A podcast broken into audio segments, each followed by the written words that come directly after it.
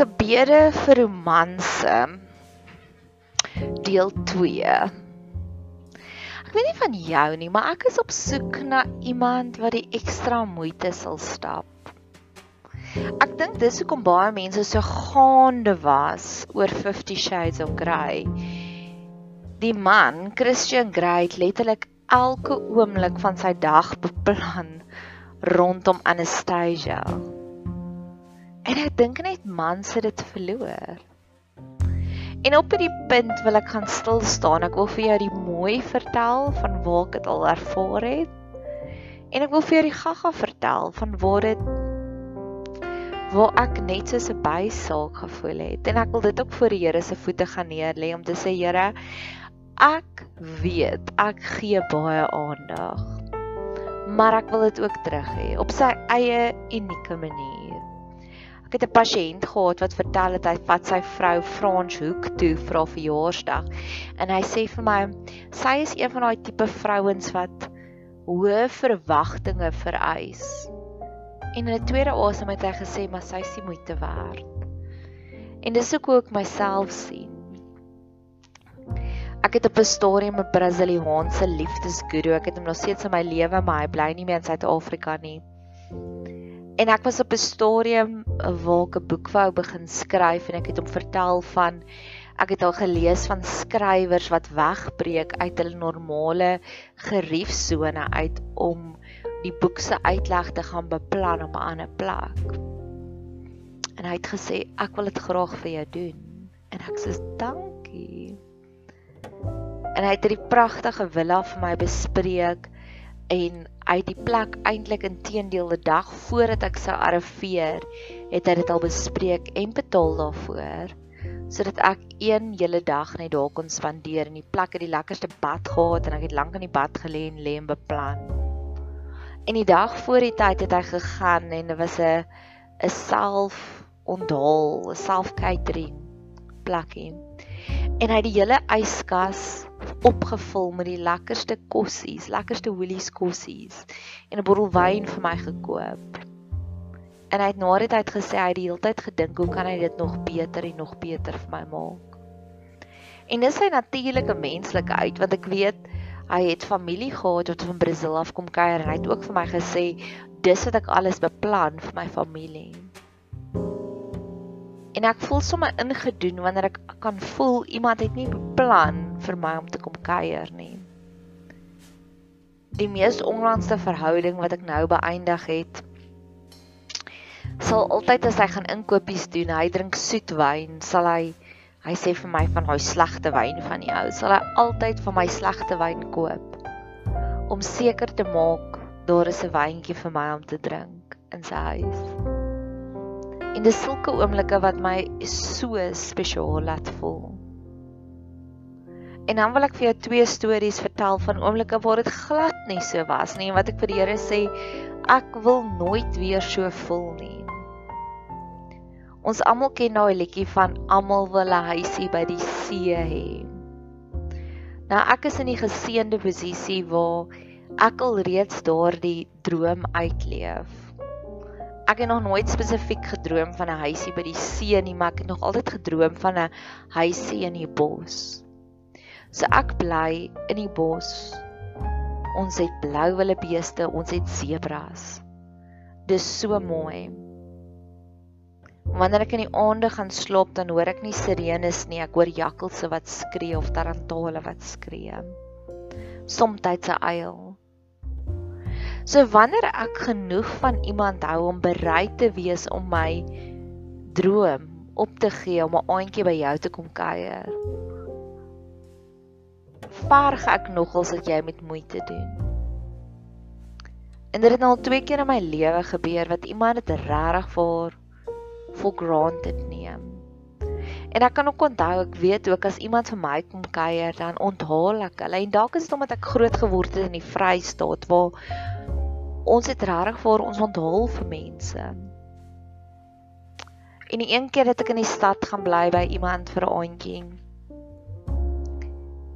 En hy het gesê hy het vir ons toebroodjies gegee vir aandete en ek was so dude weet jy wat 'n opoffering gee ek nou vir jou uitlik?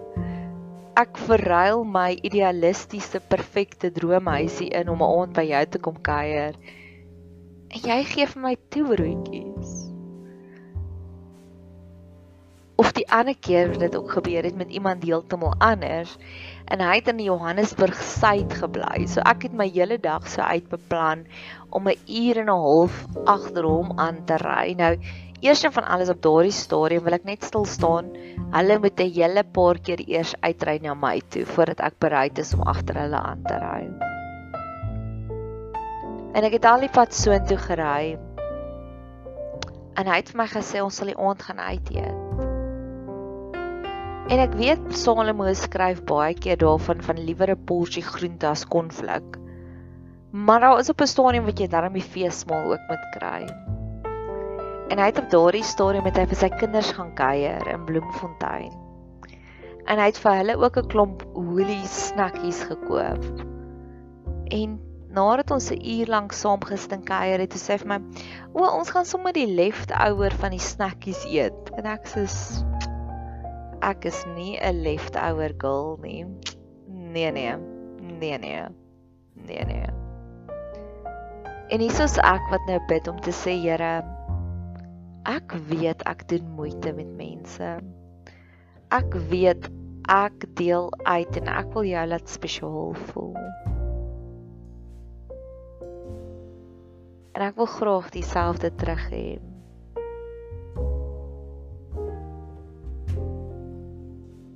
So mag ons meer en meer mense kry wat moeite doen. En dan in my vorige pot gooi het ek ook baie gesels oor die chemistry. Daardie unieke energie wat gestig word tussen twee mense. Ek is 'n baie avontuurlustige persoon. En daar was een persoon wat so kort vinnige draai in my lewe gemaak het en hy het die verhouding beëindig. Een van die min. Dit klink baie arrogant, ek is jammer, maar hy het regtig my hartjie gebreek.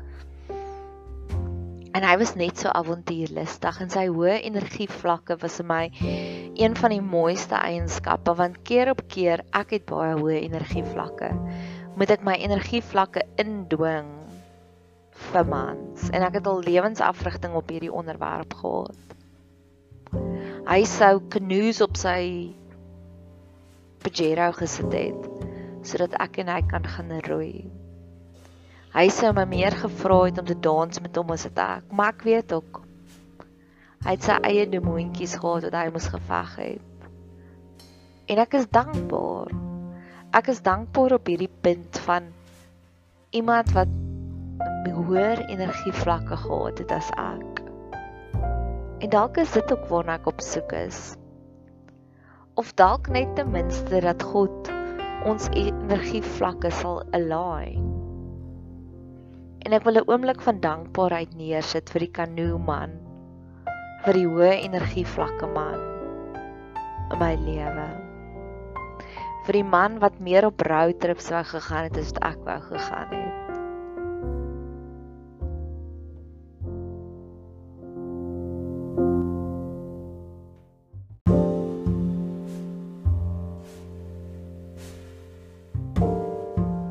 Ek het nog altyd 'n hinkering gehad na iets eksoties. En op 'n stadium 2 jaar terug het ek so 'n eksotiese Switserse man ontmoet. En die vlakke van eksotiesheid wat hy vir my aangebied het was verregaande. Ek het van sy vriende ontmoet wat ek weet wat ek nooit weer op ander vlakke sal ontmoet nie. Ek het oomblikke gehad met Moet Champagne. In gesprekke wat ek weet wat ek nooit weer sal voer nie. En natuurlik het ek op die einde van die dag besluit ek soek eerder 'n boer. Maar op 'n manier weet ek ook dat ons dien die kreatiewe God. En terwyl ek die voorbereiding gedoen het vir hierdie potgooi kanaal het daar twee flashbacks van hierdie eksotiese Switserman opgeduik in my. En ek weet ook dat dit wat jy verruil om iemand buite jou kultuur te date is 'n baie hoë prys en ek's nie bereid om dit te betaal nie. Maar op 'n manier soek ek daardie eksotiese oomblikke saam met 'n boereman. Nog iets wat ek voor die Here se voete wil gaan neerlê is en dit het my Brasiliaanse liefdesguru ook vir my vertel is baie keer in die begin van die verhouding is die mans baie gretig om die vrouens te beïndruk en hulle begin om dinge te doen wat hulle nie normaalweg sal doen nie en op 'n stadium put dit hulle uit en dan hou hulle op daarmee.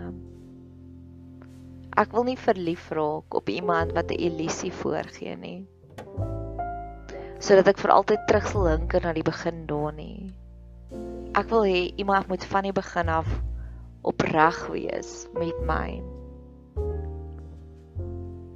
En die laaste storie wat ek vir nou wil vertel en ek weet hierdie is 'n reeks en ek weet ek sal weer terugkom na hierdie stories toe. Was 'n oomblik wat gister gebeur het met die mees onlangste romantiese persoon wat ek gehad het. Alles was perfek. Ek nee. Daar was soveel perfekte eienskappe, maar soveel dinge wat teen ons is. Hy is 20 jaar ouer as ek en vir hom is dit 'n baie groot probleem. Maar een van die voordele is ons is in dieselfde vriendekring. So verlede jaar op 'n stadium, net nadat die eerste inperkings gelig is, het ons 'n groot feesvieringsbraai gehad. En dit was by vriende van ons en hulle is my bure en ek het teruggery na my huis toe. Laat die aand 11:00 of 12:00 se kant en hy het gesê, "Wil jy regtig na huis toe gaan?" Ek sê, "Nee, maar ek wil nie nou na jou huis toe ry nie, alhoewel hy nie ver bly nie, maar Hulle sê ek klim my kar en ry ek en jy gou-gou. En op pad na sy huis toe het die liedjie van Celine Dion gespeel van It's all coming back to me now. En omdat ek weet hy's baie ouer as ek en dat daar gereeld commitment issues was, het ek in daai oomblik gewonder, gaan ek ooit weer hierdie liedjie luister en hinker na hierdie oomblik? En dis 'n jaar en 'n half terug. En 7 maande terug het ons weer die verhouding beëindig. Nee. 8, 9 maande. En gister het die liedjie weer gespeel, maar dit was nie 'n hinkering nie.